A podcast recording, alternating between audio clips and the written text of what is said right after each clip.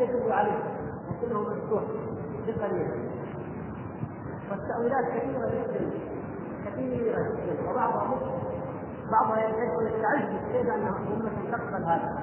لكن حتى نعرف أو نفهم القاعدة التي خلقه مثلا بل يداه مبسوطتان لما في يديه هنا يداه هناك يديه.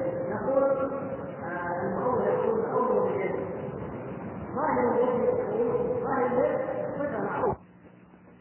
الذين يثبتون لله عز وجل حقيقيه دليل من ذلك سبحانه وتعالى لا نعلم كيفيتها نقول هذا الظاهر نعم. نحن مسلمين ان هذا هو الظاهر هذا المسلمين عليه لكن نحن نوصل هذا الظاهر إلى وجه أو احتمال المرجوح. هذا راجع لكن نحن نقصد المرجوح. إيش المرجوح؟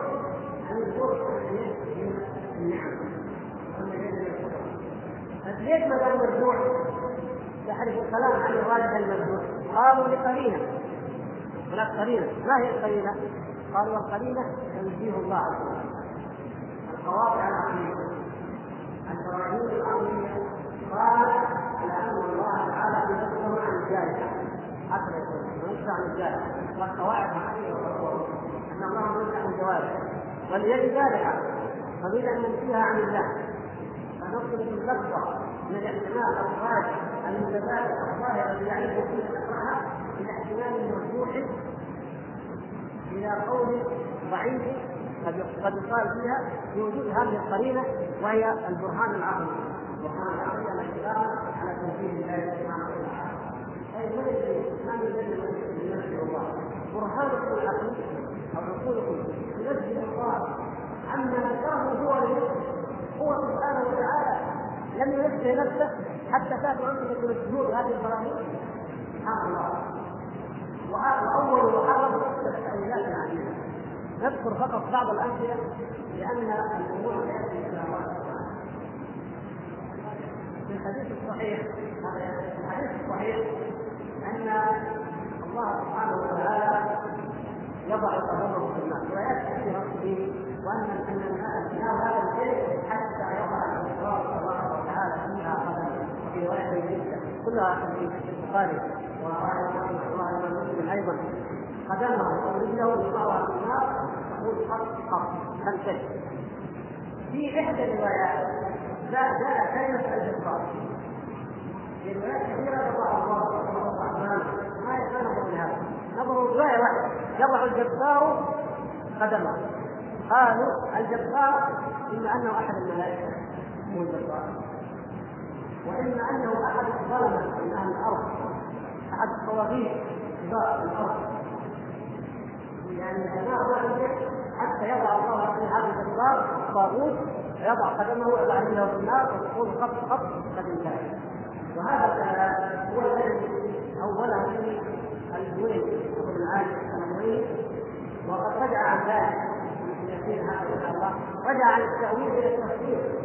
على غير من السلف لكن هنا رجع عن السلف الطويل المهم هذا التأويل قال فيه ابن العالم وقال ابن ربيعه عليه أبو حامد الغزالي وموجود هذا في كتابه الموجود عند رجعوا أو أو قالوا بان الجبار إما أن يكون ملك اما ان يكون لماذا هروبا من ان يكون من الله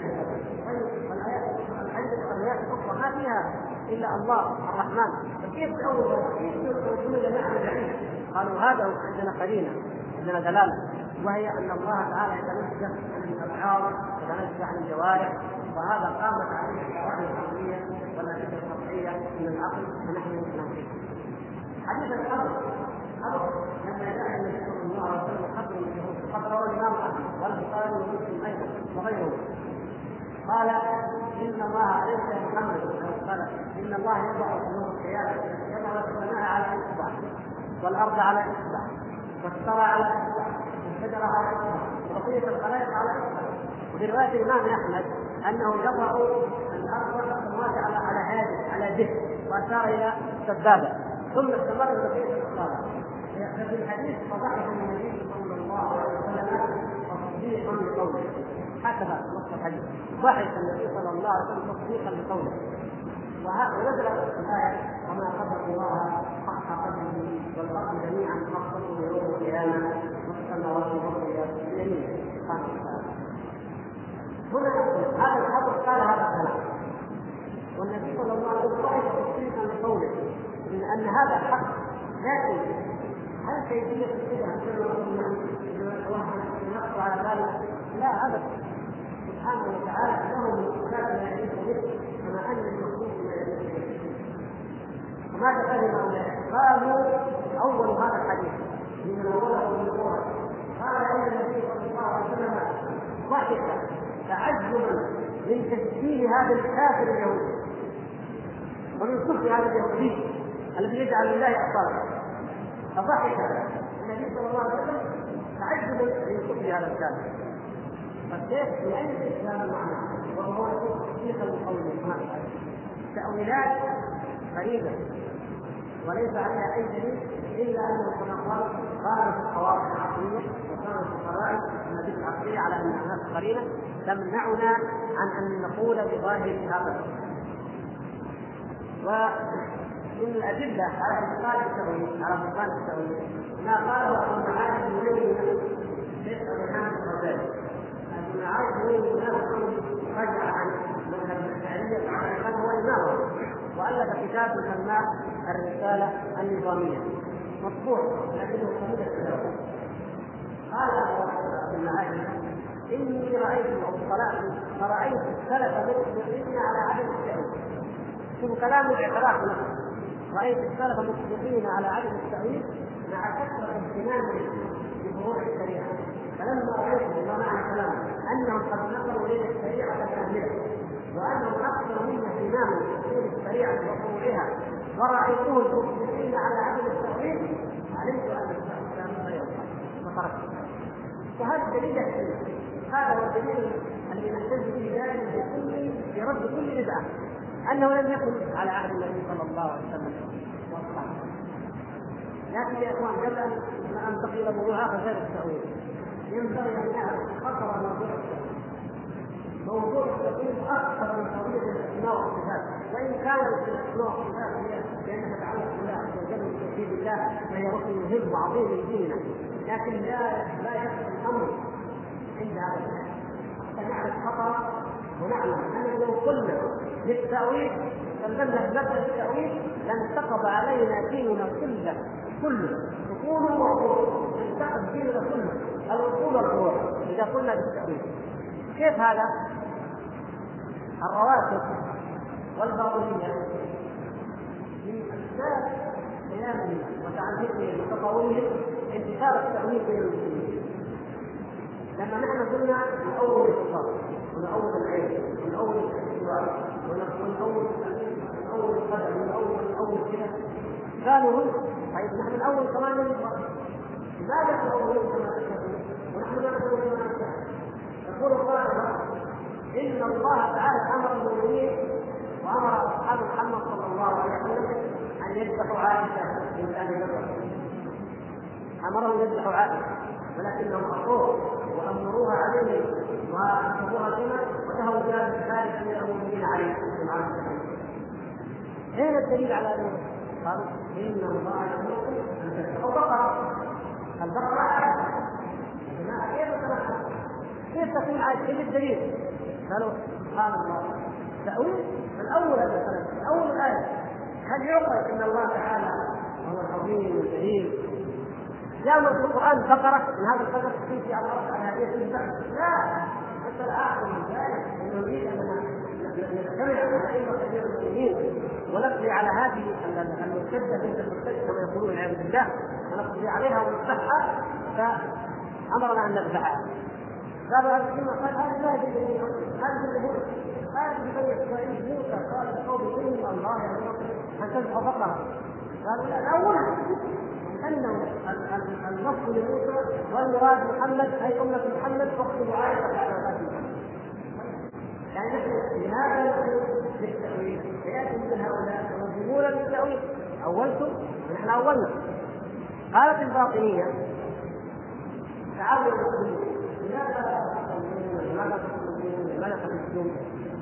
هذا في هذه اركان الاسلام ما تفهموا شيء ما تفهموا شيء هذه تحقيق الصلاه ولا الزكاه ولا فتح هذه اول هذه الايات اول اركانها كيف اولها؟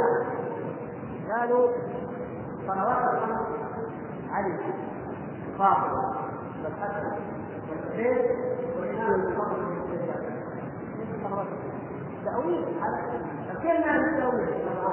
أنتم يعني أكثر المسلمين لما قالوا التأويل تمنعون التأويل بمجرد قيام قضية عقلية تجعلنا نبين الفرد عن ظاهره إلى فرض الجمهور صح ولا لا؟ صح قالوا طيب. نحن نؤول هذه الأركان الخمسة لأن هؤلاء الائمه الخمسة لا بناء على قانون عقلية بناء على خطر يقين.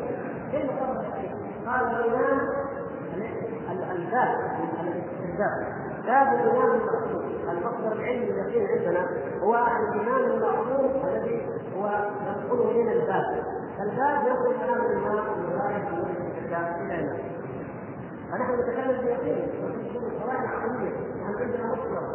من الامام هذا المحفوظ العلم عندهم مفهومون هذا ينقل لنا الكلام عن طريق الباب والباب يعطيه الحجاج والحجاج أو نواب أو من منهم هؤلاء ينقلون إلينا هذا المعنى. فعرفنا أن الصلوات الخمس هي هذه الأسماء الخمس طيب الصوم قالوا الصوم أن الواحد يحفظ قرار الصائم الطوائف هذه الطوائف الباطنيه التي تسيطر على كثير من المسلمين وتزيد موضوع العذاب هذا دينها يا إخوان.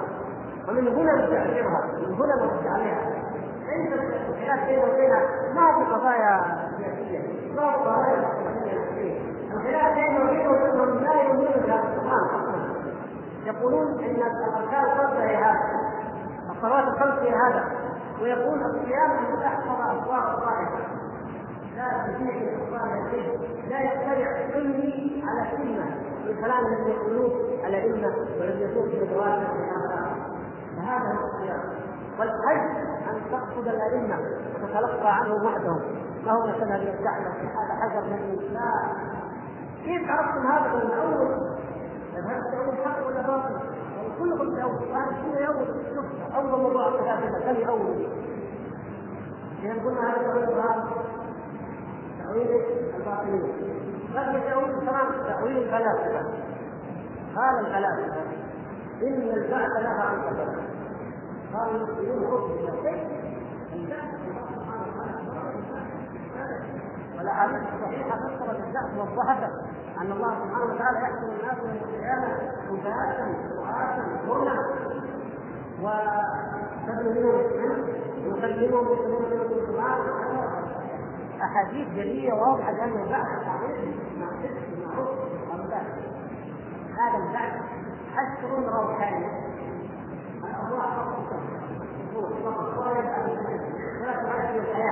لأن العقل الصغير العقل تدل على انه الانسان ان هذه الجذره بعد أن صارت في الأرض وصارت هباء أنها تعود حيث تشعر لكن هذه الأرواح حشر روحاني ونعيم جنه نعيم روحاني فقط ونعيم الجنة نعيم روحاني فقط كيف تقول هذا الكلام؟ أنتم كفار هذا الكلام تفسيره فيه المؤولة وغير المؤولة. جميعا يفسرون من يقول هذا الكلام. وهو كافر.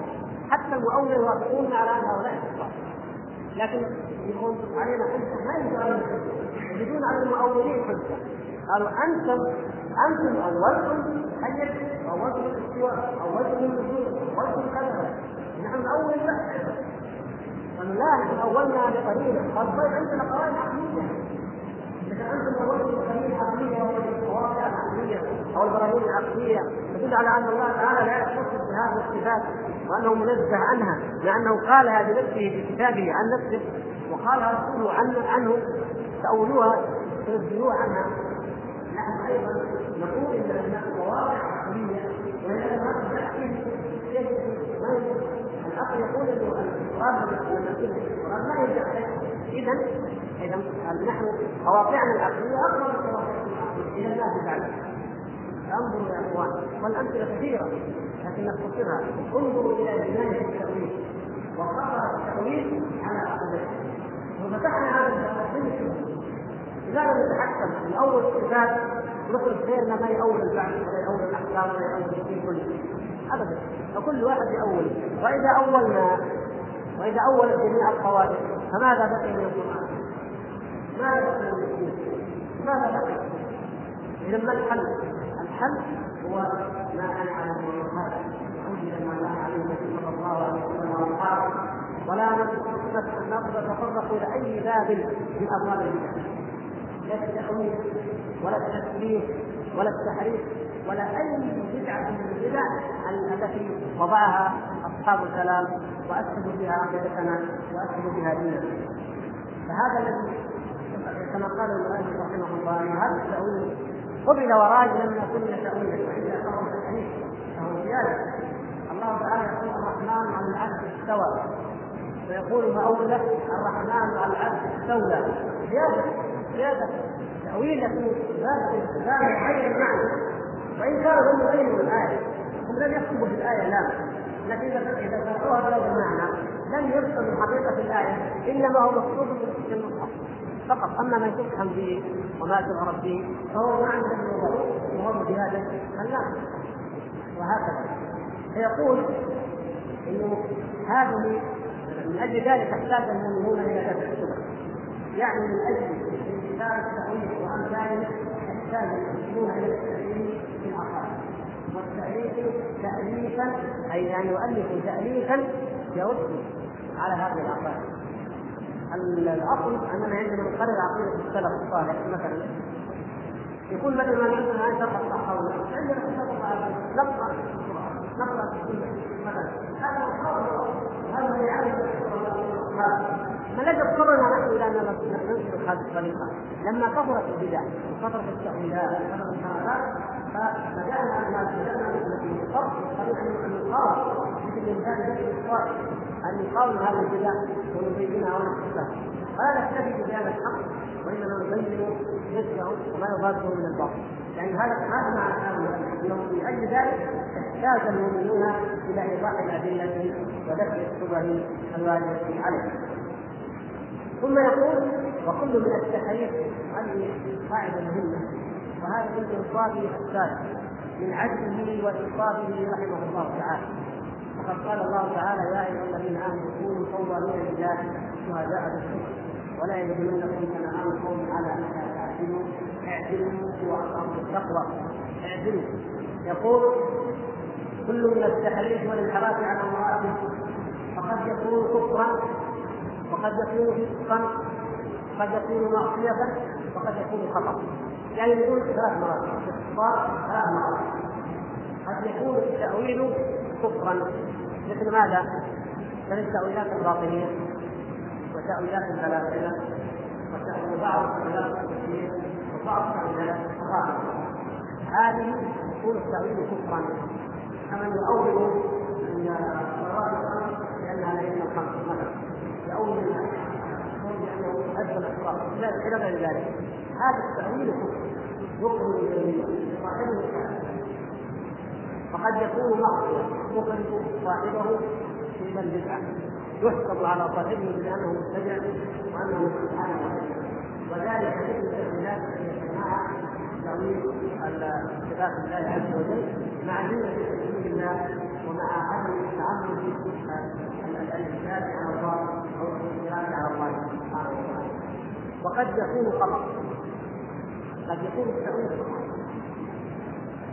بعض الناس لم يتعمد بالنظر وهذا موجود حتى في بعض كتب التفسير في السنة والجماعه أو كتب الحديث في السنة والجماعه عندما يؤول بعض الصفات خطأ. ما هو مؤول وله ما على أي منهج من منهج أهل البدع وإنما اخطا فإذا جاء واحد يقول لك هذا مؤول وهذا انظر الكلمة هذه. وافق فيها هؤلاء بدا على أخطأ في هذا في هذا الموضوع فقال الكلمة يكون مبتدعا هذا لا يفيد عن قول الجماعة كل بالله ولكن يجب علينا أن نتحرك بالخطا من نرجع إلى الحق. فخطأه هذا لا يخرج عن أهل الجماعه وبعض والجماعه وبعض العلماء المسلمين قد يخطئ في قوله بعض وهذا خطا مشهور لأن الحياة بل الاكثر ما تعرض بالاحاديث احاديث الكتاب مثل احاديث الكتاب ونحن جميعا نعرف الا هي الاحاديث الصحيحه اخطات في فهمنا بعض العلم الكبار من قبل الكبار يوجد اذا من مانع ان يخطئ بعض الائمه أيضا ولهم قيمتهم في فهم بعض الاحاديث بدل من احاديث الاحسان أو مثله هذا يقع. يمكن أن يقع كثير من الناس. فمن وجدناه مقيما للسنه مناصرا لها محاربا للبدع ليس في منهجه أو ذلك منهجه سليم لكن اخطا اخطا بعض مع كلامه في المنهج فهذا نقول تاويله هذا خطا ونرجو أن يغفر له هذا الخطا باذن الله تبارك وتعالى. ولا نؤاخذه. ومن كان منهجه ورسوله بدعية فهذا من أهل البدع من أهل الوعيد. المتوعدين بعقوبه الله الا ان يتوبوا ويقبلوا ياخذون في الوعيد والوعيد عند الله عز وجل ان شاء عذب وان شاء اخذ لا نقطع لهم الجنه ولا بعض الناس ما هو هذا ولو هذا مراد رسول الجماعه اذا قال أهل السنة والجماعه عن احد وعن حكم انه من أهل العلم فمعنى ذلك انه تحت مشيئه الله ان الادله جاءت على انه يستحق بالعقوبه أما أنه يعاقب فعلا فهذا مرده إلى الله عز وجل. قد يعاقبه لكن استحقاق وارد لكن هل تنفذ؟ هل ينفذ حكم الله تعالى فيه؟ قد يكون له من يستثمر ذلك من الحسنات قد يتجاوز الله تعالى عنه بفضله وكرمه. لا ندري. لكن نقول الاستحقاق وارد لأنه عصى الله عز وجل وابتدع دين الله عز وجل. وأما النوع الثالث وهو الكفر.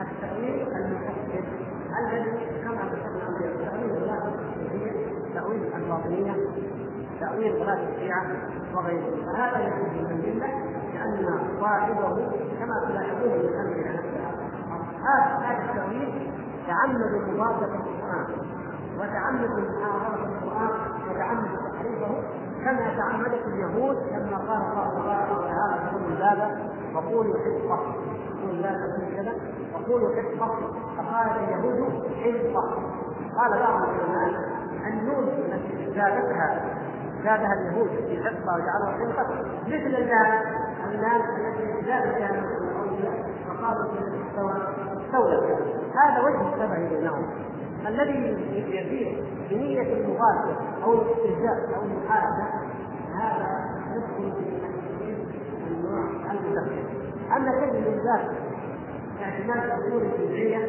مخطئة فهو يدخل في باب التأويل المبتدع المذموم المتوعد عليه واما الذي اصوله صحيحه ولكن يقع منه خطا يقع من بعض العلماء في سائر النصوص والاحاديث فهذا يسمى وهذا نرجو أن لا يؤاخذ عليه ان شاء الله عند الله تعالى اما نحن في الدنيا فنبين ما يمنع هذا. نقول العالم الفلاني أخطأ وأول هذا ونبين ذلك لأن الله عز وجل تعبدنا بنزول الحق. ولا نصدق أحد من الرجال. وليس هناك أحد. كلامه كله حجه صواب إلا محمد صلى الله عليه وسلم. أما مع ذلك فإن كلامه مبين وخطأه مقال لكن لا ننتقص من قدره ولا نخرجه من جماعة أهل السنة والجماعة.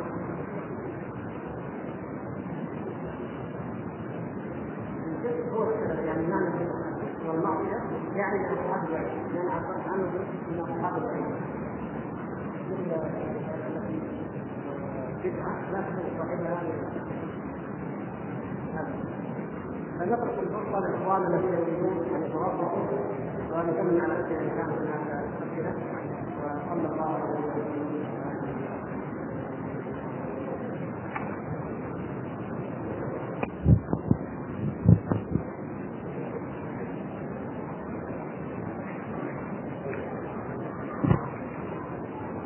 أسئلة كثيرة والناس سوف نقتصر على ما يتعلق بالموضوع الذي أخذناه يعني موضوع أو موضوعين التفرق والتأويل لأن كل ما نأخذ موضوع ونحفظه ثم إلى موضوع اخر هذا هو الافضل والا فالانفاق موجود والحاجة موجوده لكن بعض الموضوعات تاتينا باذن الله تعالى وكلها آتي ان شاء الله. سبحانه وتعالى وكان الامر بالحق نتعرض لها لكن نبدا من الاشياء التي في موضوع حديثنا الذي نختاره كل ليله ما يتعلق بالصور هناك سؤالان. عن هذه الفرق بدات ما أقدمها؟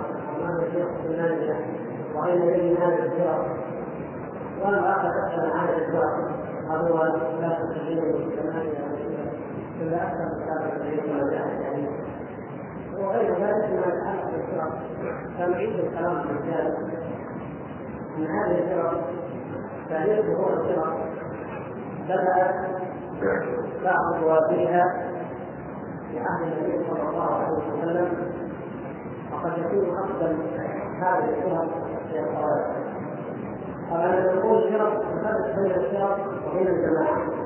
الجماعة أهل السنة والجماعة أو الجماعة التي كان النبي صلى الله عليه وسلم وأصحابه عليها. هذه ما تدخل في كلمة الفرق إلا أحيانا يكون كلها في مال بالدراسه لكن عندما نتكلم عن اقدم الفرق أي الفرق المشركه ولا معروف لكم جميعا ان الجماعة ما كان عليه النبي صلى الله عليه وسلم واصحابه هي لا هي الأولى.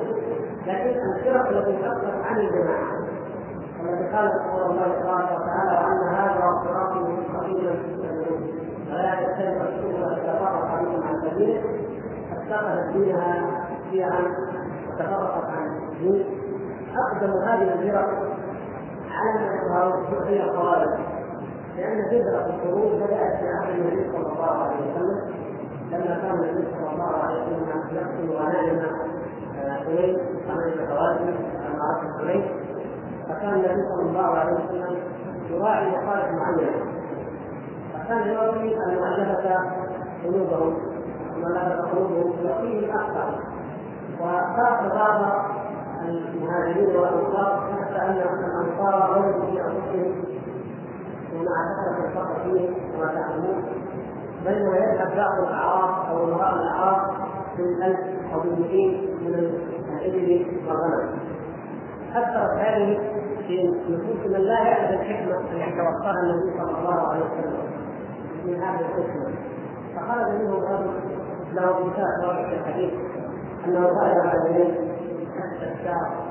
يعني منظر يقول بانه انسان غريب وكأنه انسان حتى انه غريب فقال اعدل يا محمد انها لتدرك ما اريد منها رسول الله والعياذ بالله فاعترض على حكم رسول الله صلى الله عليه وسلم في هذا الحكم فقال له اعدل فقال النبي صلى الله عليه وسلم ويلك ومن يعدل ومن يعدل إلى نعم من يعدل ان لم يعدل محمد صلى الله عليه وسلم لا هو الذي جاء بالعدل وهو الذي شرع شريعة العدل صلى الله عليه وسلم. وعلمنا اياه من وجه رب عز وجل ولكن هذا من قله حكمه ومن جهله ومن قلة علمه ومن عدم مراعاته لمصالح والاحكام التي يتوقعها الشارع ويراعيها الشارع في احكامه راى أن هذه الحكمه ليست عادله فاعترض على رسول الله صلى الله عليه وسلم. فقال النبي صلى الله عليه وسلم رحم الله موسى فقد اوتي بأكثر من هذا. النبي صلى الله عليه وسلم فرض متاثرا بموسى عليه السلام. وأنه قد اوتي باكثر من هذا الصواب لم يفعله قومه كانه اخر حتى أن الله سبحانه وتعالى أكذب قوله بأن جاء كان يحتفل وكان يليق على الاشياء والمعارضه قرأ ان فرعون والجواب. وغير ذلك مما نودي من موسى عليه السلام فقال النبي صلى الله عليه وسلم رحم الله موسى اوتي باكثر من هذا الفضل ثم قال يخرج من سوء هذا.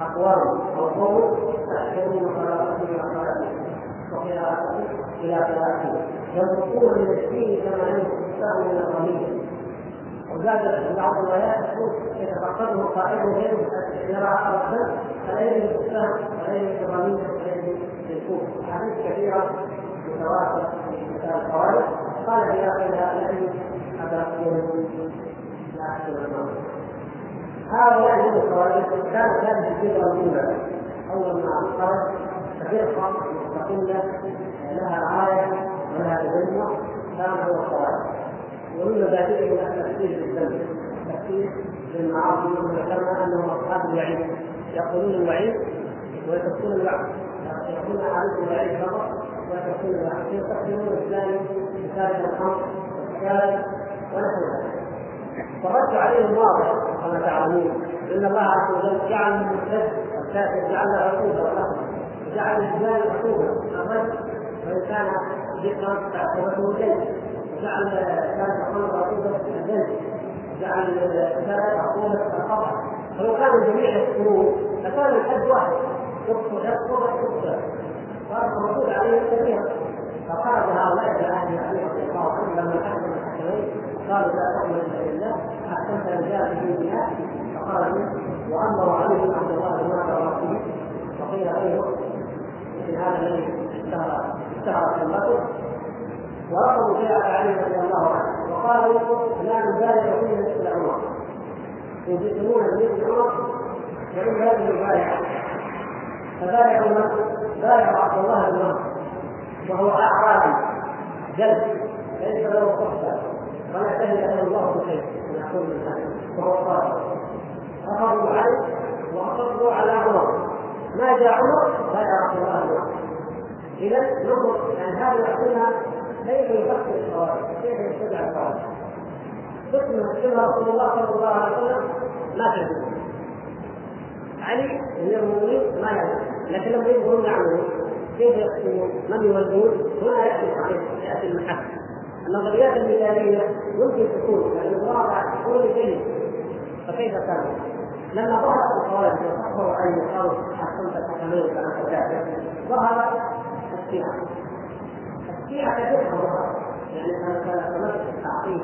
لكن التشيع التشيع النظريه الاولى موجوده منذ ان قال عبد الله بن سبأ الذي حدث تسميه الشيعه معروف عبد الله بن اليهودي منذ أن كان وكان إلى اثار الفتنه على عثمان رضي الله عنه وقتل عثمان والدين موجود لذلك الفرقه موجوده لكن انها تخلق فرقه واضحه عندما خرج الخوارج كفروا عليه فخرجوا هم وانه له عليه رضي الله عنه وكانت الشيعه ثلاثة اقسام كانوا ثلاثة اقسام الغاليه المؤلهه يسمونها أو المؤلهه الذين غلوا في علي رضي الله عنه وقالوا أنت أنت قالوا انت قالوا انت الله وكذبوا له هؤلاء الذين أنزلوا عليه. وهؤلاء أمر علي رضي الله عنه بإطلاقهم وهذا منهم أقوال سبب من ابناء الاهل وهناك دين والفرقة الثانية السبابة. الفرقة الثانية منهم السبابة الذين يسبون ويكتمون السيفين هم لم يخرجوا من الاسلام وينكروا الدين لكن اولادوا عليه لكنهم يسبون الشيخين على وعمر رضي الله وقد قال بعض العلماء أن يسب الشيخين كفر. ولو تامله المتامل ووجد أن لذلك اصل لأن هذا هذا ثم اعلم من ذلك. وهنا كما قال عليه بن حسين زين العابدين نفسه الذي الله. قال كيف أحبهما وهما وفي غايته وفي غايته الذي يحب في غير النبي صلى الله عليه وسلم وصدق رسول الله صلى الله عليه. وسلم الذي يقول ان أبا بكر عدو للاسلام منافق كذاب فهو متهم الله. ومتهم للامه كلها. هذا المنافق عدو الإسلام. يولى ولي النبي صلى الله عليه وسلم الصلاة. إشارة إلى توفيق الإيمان في الأمة. وصرحت الحديث الأخرى بأنه هو حديث النبي صلى الله عليه وسلم لما قال المرأة المسلمين تأتي أبا بكر.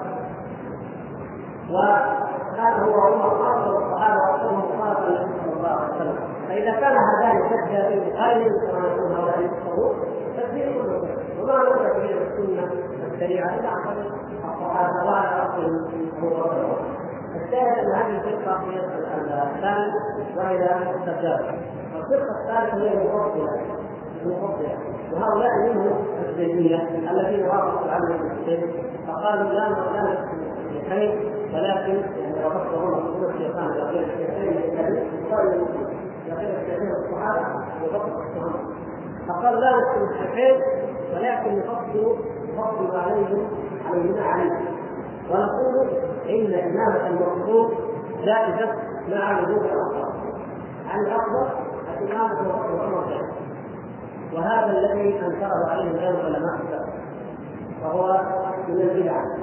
ويكفينا أن هذا بدعه انه صح عن علي رضي الله عنه علي رضي الله عنه يحكي قال لا لا اوتى بأحد فضلني على أبي بكر إلا جلسته حتى الكليه ثمانين. جلسه هو بنفسه رضي الله عنه. كان يجلس وقال عليه رضي الله عنه البخاري والله ما من رجل ولدت انني ألقى الله بعمله إلا هذا. هذا فيه عمر الله عنه يود علي أن يلقى الله بعمل عمر. وهو مقر بانه افضل وهذا هذا معروف ومشهور وواقع عن الصحابه الشاهد ان الفقه الثاني شرع الصحابه يتذكر الشيعة. ثم قال يكون شيعه لما استقطعوا الخوارج وكفروا صاحب الذنب اي أي ذنب كفروا كفروا صاحب الخمر والزاني والفاعل مثل ما قلنا. خرج منهم نفس الخوارج في الأصل. كانوا منهم فرقه فقال ما نكفر أحد ما لم يقل لا اله الا الله كانوا مع الخوارج مثل معهم فتره أو غلو كثير رجعوا إلى غلو آخر كبير قالوا لا نكفر أبدا. ما يقل لا إله إلا الله. حتى وإن سب الله ورسوله حتى وإن انكر القرآن حتى وإن انكر فجلسوا إلى الطرف الآخر وهؤلاء هم المسلمين وظهروا في قراءه الصحابه يعني فتره الخوارج وكان كثير من الصحابه يتكلمون عن الايات ثم ظهر القدرية. القدرية ظهرت مثل في عراق عن الصحابه رضوان الله تعالى عليهم لتأثير أو لتأثير النصارى الذين كانوا في الشام والذين كانوا خارجا من كما في الصدر وقوة الصدر كان واحدا عند وجودهم عن قبول المسلمين وقال به نحو الإسلام ولذلك يمكن في صحيح مسلم وفي غيره. حديث جبريل المعروف المعروف لما أن النبي صلى الله عليه وسلم التوحيد إلى قال محمد أخبرنا عن الإسلام رواه عبد الله بن عمر عن أبيه عمر أول الحديث لما ظهر بعد الجهل وقال في الاسلام السبب جاء التابعين إلى عبد الله قال عندنا قوم إن هذا القوم أو إن هناك قوما ويراه ينكرون القدر. فقال له حدثني ذكر حديث عمر ثم ذكر حديث جبريل الذي يدل على أن الإيمان بالقدر هو احد أركان الإيمان. الشاهد أن حديث هذا دليل على أن القدرية ظهرت في عهد الله. ابن عمر رضي الله عنه في اواخر العهد الخوارج والشيعه والمرجئه والقدريه هذه الفرق ظهرت جميعا في عهد الصحابه عنهم هذه الفرق الاربعه في اصول الفرق تشعبت منها فرق كثيره ثم ظهرت بعد ذلك المعتزله في فضل على راس المئه ظهرت المعتزله كانت أكثر الحكم الفضل فجاء حديث عن الكبيره ولذلك سبب ان العقيده التاريخ تؤمن الافكار انهم يحدثوا الحسن البصري وصرحوا لما قال الحكم الكبير الكبير ما وهم في الحقيقة امتداد ذكر القواعد المعتزله امتداد ذكر القواعد لكنهم لا يقولون ان الحكم الكبير هذا يخرج من المله قالوا يخرج من الاسلام ولا يدخل هو في المنزله بين المسلمين والمسلمين حدثنا الاحاديث والايات التي في المؤمنين ما تنطبق عليهم وجدنا الايات الحادثه في الكافرين ما تنطبق عليهم فالفرقه في المنزله بين المسلمين هؤلاء هم المعتزله ثم حدثت الناس فذكر ورجع من الجرأة وذكر الصفات وضحى به خالد بن عبد الله الفقري في بعد المئة والعشرين هجرية وقال له انها ضحوا تقدر الله بحياته فاني مضحي بعد الجرأة فانه انكر ان الله كلم موسى تكليما ثم نزل على المنبر وبدأ الجعد إلى ثم هذا يعتبروه من فرق الصفات تلميذ الجعد بن درهم كان من جهه من جهه من الجهه من الصفوان أخذ حقيقة الجعد ونشرها. فخرج في ثوره احد الثواب وهي ثوره اليوميه واقع اليومي كانت 168 كان فخرج مع الحارث بن سويد وكان كاتبا له وذكر المنزل الموقع لأنه كان ينسب جميع الصفات عن الله وكان في نفس الوقت مرجع يقول إن الإيمان هو المعرفة القلبية. فقط من عرف الله قلبه فهو مؤمن كما يقول هذا المرجع من الجهل أكثر المرجئه وينظر لأن ابليس يعرف بقلبه. بل بلسانه قال فليحتسبك لو يده اجمعين رب ما اويتني يعرف الله عنه ربه فهذا يعني اشد انواع الاشياء وهذا نفع صفات الله عز وجل والاسباب من يقول اسباب الكلام يعني مثلا الإنسان من القران أخذ مثال لذلك كان القرآن جاء هذا الكلام كان الإنسان يجادل في الجدل بلا علم. يجادل بغير علم. لم يتفرق ولم يقاتل العلماء. ولم يقرا كتب العلم ولم يحفظ من كتاب الله وسنه رسوله إنما كان يجادل يجادل فقط. فجاءه قوم من الملوك من اقطاب الخطاب ملوك لكن عندهم فلسفات وعندهم كلام ملغلق فقالوا جينا نناظرهم جينا نجادل المسلمين. نرى ما عندهم من عنده الحق ومن عنده باطل فهذه ما يخدع فيها كثير من الناس. اذا ذهبت إلى دين العلم له هؤلاء كفار هل من الضرورة لابد أن يكون اعلان ان نحن موجودين من هذا المعاد عقول وأن يتساهل فيه حتى يدري أن على الصواب على باطل. وإلا لا يؤمن به كانوا معامله هؤلاء الناس. إنهم إما أن تقام عليهم الحجه من العالم المتمكن فاما أن يسلموا الجهل وإما أن يقبلوا اوصافهم بهذا الإسلام. لكن الجهل الجهل يكلف علم عن المخلوق لا ضرر مخلوق فقالوا له قسم اخر ما هو رب هذا؟ هل رايت؟ هل لبست؟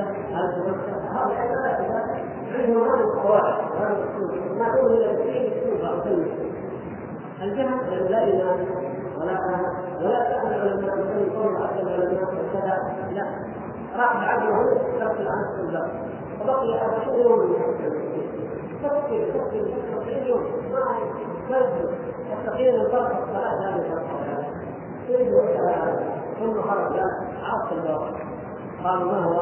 قال هو كالهواء مثل هذا الهواء ليس له اي صفه لا يلمس ولا يتأمل مثل الهواء موجود لكن لا يلمس حتى يرد عليه ونتج عن ذلك نفي صفات الله ثم ظهر بعد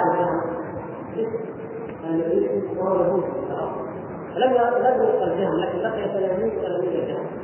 وذكر النبي عنه المذهب أكثر.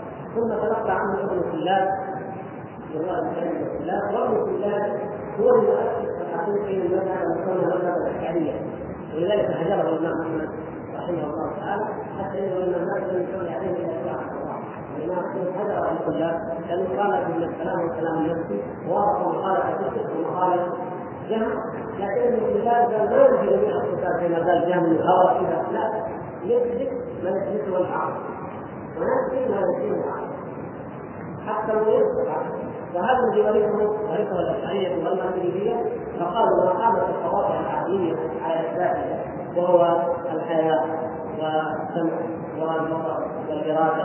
والكلام والكلام الذي يقول هذه يثبتها والقدر وما يثبتون بعضها أو هذه يدل العقل على إثباته وأما الاخرى فالعقل يحكم باستحالتها بحق الله تعالى. فلا نثبتها لله وأصل هذا العقل كله عقل الجهل لما في ذاك البيت 40 يوما. وهذا انتهى في الفراق القدرين لهم شجاعة فكان من القدرين الاولاد الذين يدخلون العلم. ومن انكر علم الله من الاشياء كفر هؤلاء أكثر انواع القدريه الكفار الذين أنكروا أن الله يعلم ما سيفعله العبد لأنه قال كان يعلم أنه سيعصيه اذا هو قدر عليه المعصيه اذا هو رغب بالمعصيه اذا كيف يجازيه عليه. هكذا سوى لهم الشيطان. والله سبحانه وتعالى أخبرنا عن هذه الحجة قديمة قديمة. وقال في ذلك وشاء الله ما اخرجنا ولا اباؤنا ما اخرجنا ولا اباؤنا وقال سيقول إلى الأنعام وقال إلى في النحل. لو شاء الله ما اخرج طبيعيا ومشهورا ثلاث مواضع من كتاب الله يذكر الله عز وجل شبهه المشركين وانهم يقولون لو شاء الله ما اشركنا ولا اباؤنا ولا حرمنا من شيء. فيقول الله جل ذلك كذب الذين من قبلهم في سورة الأنعام. كذلك كذب الذين من قبلهم بان قالوا ان البلاغ مطلوب ولقد بعثنا في كل امه رسولا ان يعبدوا الله ويحبوا الطاغوت وقال في الانعام كلها بالله الحجه البالغه ولو شاء اجمعين ثم قال قل تعالى واتلوا ما حرم ربكم فالله تعالى ذكر هذه الشبهات ورد عليها وذكر انها شبهات للمشركين ورد عليها بانه لو كان لو كان يلزم من انه اراد الشيء بمعنى قضاء وقدره أنه راض به لما ارسل الأنبياء ولما اقام الحجه البالغة.